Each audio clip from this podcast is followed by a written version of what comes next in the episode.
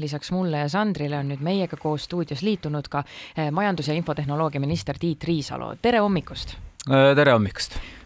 enne kui me ikkagi tõsise teema juurde läheme, ma saan aru, et liiklus on päris tihe ja, ja jäävihmast meil on siin hommikul juba räägitud küll ja veel, kuidas siis praegu oli?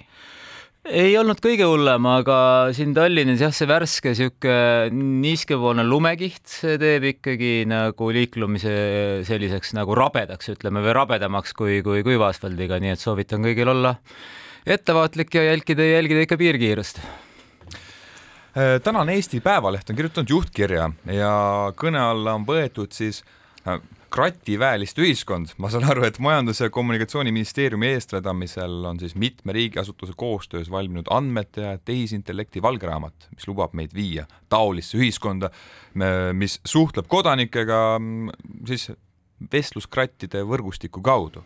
Ja juhtkirja peamine idee on see, et teie siis Tiit Riisalu krati fantaasiate tarbeks ei tohi raha anda. Teie idee jaoks ei tohi raha anda, vot selline juhtkiri on äh, Eesti Päevalehes täna. see on, see on küll jah, ei ole jõudnud veel lugeda seda juhtkirja, aga aga no eks siis äh, tuleb tõestada, et see on vajalik, et äh, mina isiklikult olen selles täiesti veendunud. Et Eesti riik peab tegema oma digiriigi arengus järgmise arenguhüppe ja ja ai kasutuselevõtt on selleks minu arust täiesti möödapääsmatu aga millest me ikkagi lõpuks räägime, mida siis teha tahate, kuidas see peaks välja nägema, see personaalriik, kus mm. tehisintellekt on äh, sisse integreeritud?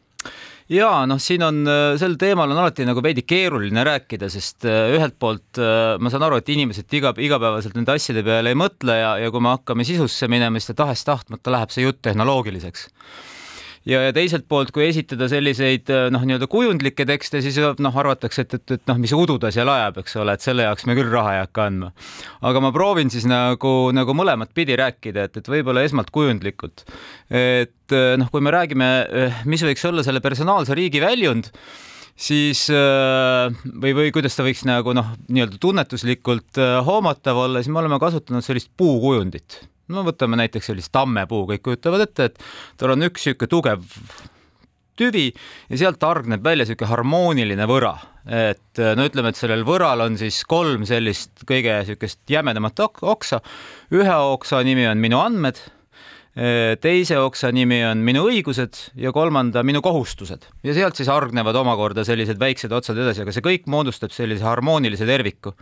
aga selleks, et see tamm kasvaks suur, tugev ja võimas ja, ja ka esteetiliselt äh, nauditav, äh, siis seal all on selline juurestik, maa all toimub kogu aeg midagi, aga seda me ei näe, me ei tea, mis seal tegelikult toimub. Äh, et inimene ei peagi seda teadma. Ja, ja mis siis, äh, mis siis see praktikas tähendab, on see, et, et noh, mida see tamm võiks võimaldada seda, et me võtame oma nutiseadme ja kolme näpuliigutusega, kolme pöidla liigutusega jõuame ükskõik mis teenuseni, mida meil vaja on ja need teenused äh, jõuavad meie juurde hästi sujuvalt, et me tegelikult ei pea mitte mingeid jõupingutusi tegema selleks, et, et saada riigi käest seda, mida me tahame või siis täita oma kohustusi, saada sellest hästi lihtne ülesanne, kanda kaasas kõik oma dokumente, tegelikult äh, sellesse nutiseadmesse sisse logides me juba oleme ka ennast identifitseerinud, nii et seal on võimalik teha siis ka kõikvõimalikke muid tehinguid, et, et kõike seda ehitatakse üles, noh, tehnoloogia keeles öeldakse platvormi printsiibist lähtuvalt lähtudes avatud lähtekoodiga, nii et ka kõik äh, erasektori ettevõtjad saavad tulla siis seonduvaid äh, toiminguid sinna tegema, noh, toon lihtsa näite, et te, te kolite, sellega on tavaliselt seotud mingisugune hulk juriidilisi toiminguid, noh, te ütleme, omandate selle korteri, eks ole, siis on vaja või, või näiteks pärite, eks ole, siis on vaja see juriidiliselt teie nimele vormistada, eriti pärimise puhul on see praegu päris pikk ja ebameeldiv protseduur, kuigi see kõik käib online'is, aga see on tüütu ja, ja läbi mõtlemata aga kui see kõik on ühel hetkel tehtud, siis teil on vaja noh, oma elukoht vahetada, aga võib-olla ka kolimisteenust äh, saada, äh, las laps panda uude kooli või lasteaeda, see kõik ongi üks sündmusteenus, meie elu sündmus, kolimine ja kõik selle suhe sellega nii avaliku kui ka erasektoriga peaks toimuma võimalikult sujuvalt, et see on personaalne riik. Ja mida võimaldab seal ai teha siis loomulikult selles tohutus andmemassiivis luua hästi lihtsalt neid seoseid ja noh, ma usun, et te olete katsetanud nende juturobotitega, chat GPT-ga või, või, või millegi teisega et te lähete ju tegelikult temaga sellisesse intelligentsesse dialoogi. Teil on mingi küsimus, eks ole, kus senimaani ütleme siis selles praeguses digiriigis öö, versioon kaks null, eks ole, noh, tööriist on otsimootor. Te sisestate sinna mingi otsingu ja saate mingi lingi kogu. no proovige, pange sinna sisse näiteks, ma tahan, ma ei tea, renoveerida või soojustada oma maja mis te siis saate, noh, te saate hulga mingisuguseid linke, enamusel on väärtuslik info, enamusel mitte, eks ole, midagi kirjutatakse õigusruumist, midagi toetustest, midagi energiamärgistest. tegelikult oleks ju väga mugav, kui te võtate oma seadmed ja asute sellega vestlema ja te saate tõsikindlaid vastuseid ja ühtlasi, kui te olete jõudnud järeldusele, et jah, ma olen nõus selle omafinantseeringu mängu panema, äh, siis äh, sellesama häälkäsklusega või siis koodi, no ma kindlasti nii-öelda oma tuvastuskoodi sisestades saate te kohe ka te teha ära vastavad kokkulepped. ja, ja selline noh, niimoodi see riik võikski välja näha, et, et me saaks nii-öelda keskenduda sellele, mida me igapäevaselt peame tegema, oma tööd, ma ei tea, nõnda edasi. palju see kõik maksma läheb, see on kakssada miljonit, kust see raha tuleb, kust tuleb kakssada miljonit, mis selle loomiseks tarvis on? Ehm, no vaadake, et äh, see on äh, põhimõtteliselt ju valitsuse otsustamise koht, kust see raha tuleb. et, äh, et meie riigieelarves on oluliselt rohkem raha kui kakssada miljonit, et, et seal on miljardeid. Ja ma arvan, et see ongi prioriteetide sättimise küsimus, et, et meie nägemus on see, et sellest kindlasti oleks kasu, see on sellisesse nii-öelda tehnoloogiasse investeerimine on, on isetasuv. et, et on noh, tehtud siin loomulikult ei ole kõike seda võimalik eurotäpsusega välja arvutada, aga on noh, niisugune ekspertide konsensus, et üksi nii-öelda praegune Eesti digiriik selle tõttu, et hoiab meile kokku aega, kokku aega säästab kaks protsenti sisemajanduse kogutoodangust. see on tegelikult see, mis me kuni viimase ajani investeerisime oma kaitsesse. Poleks nii-öelda piltlikult öeldes võib öelda, et digiriik on meile andnud võimaluse oma riiki kaitsta ja, ja loomulikult tuleb seal minna detaili sisse, see kakssada miljonit on väga indikatiivne summa, mis on loomulikult noh, läbi kalkuleeritud teatud tasemeni, aga välja tulid ennekõike selleks, sellest tingituna, et meil on mingit huvi selle, selle numbriga nagu noh, nii-öelda eputama hakata, aga toimus esimene valitsuse arupidamine, kolmkümmend jaanuar, kus räägiti, mis hakkab järgmise aasta eelarves saama, eks ole, teadupoolest on praegu riigieelarve strateegias kirjas nelisada miljonit eurot sisustamata makse, me hakkasime seda arutama, aga meie soov oli tõmmata pilt laiemaks, rääkida ka sellest, eks ole, et mitte üksnes maksudest, vaid mis me ka tegema peame ja mis on võimalikud teised tuluallikad, et kui me räägime sellest samast personaalsest riigist, siis üks selle väljund on ju, on ju vajaduspõhised toetused.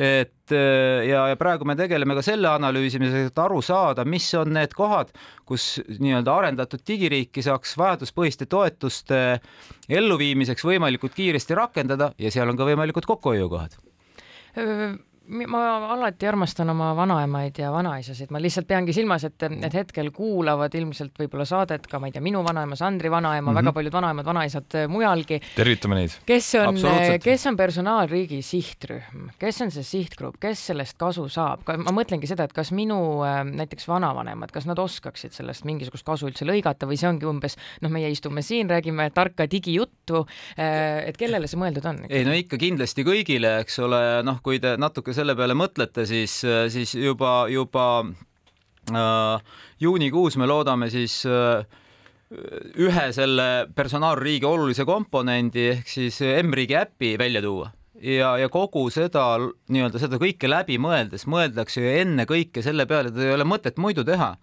kui, kui riigiteenuste kasutamine muutuks lihtsamaks, et kui teie vanemad on või vanavanemad on nutiseadme kasutajad, siis see kindlasti läheb neile oluliselt äh, mugavamaks, lihtsamaks ja arusaadavaks, nagu ma ütlesin, kolm näpuliigutust. et, et see on see eesmärk, kas see kõik realiseerub juunikuuks, loomulikult mitte, aga samm-sammult me seda ehitame Te. ja teine pool võib-olla selle juurde veel, veel tagasi tulles on ka see, et et, et kindlasti on, kui sa vaadata seda pilti tervikuna, siis, siis loomulikult eh, tähendab see ka seda, et me mõtestame ja see protsess ju meil käib ka nulleelarve, mõtestame läbi oma teenused uuesti, et kas kõik on vajalik ja kuidas neid on mõistlik osutada. Ja ennekõike seda protsessi läbi viies me ju ka riigiasutuste vahelisi selliseid nagu seinu või silosid lõhume, mis tahes-tahtmata tekivad, et tõepoolest need teenused oleksid terviklikud, mis sellel on ka teine väljund. Ja kui me, meil õnnestub ka korrastada oma riigi nii-öelda baasinfrastruktuuri, infrastruktuuri, eks eks ole, luua kaasaegsed töökohad riigiametnikele ja võtta kasutusele sisuliselt ai, seda me seda kratiga balansseerides ju tegelikult esitlesime, mis on väga põhjalik ja läbimõeldud dokument.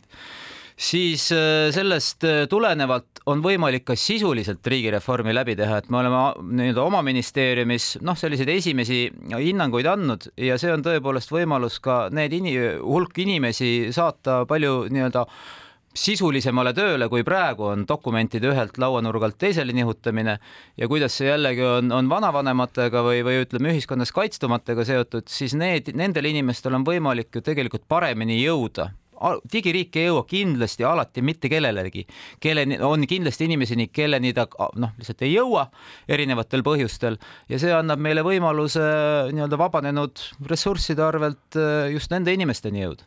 seda nõnda Päevalehe poolt siis krati fantaasiaks kutsutud, kutsutud ideed hakkab ellu viima siis Nortal, mille juht on Eesti kahesaja asutajaliige Priit Alamäe sellest personaalriigist ja sellest samast ja. teemast, mida te siin praegu kirjeldasite, Priit Talamäe on selle ühe idee, on selle ja. idee autor ja ta on ka erakonna Eesti kakssada asutaja.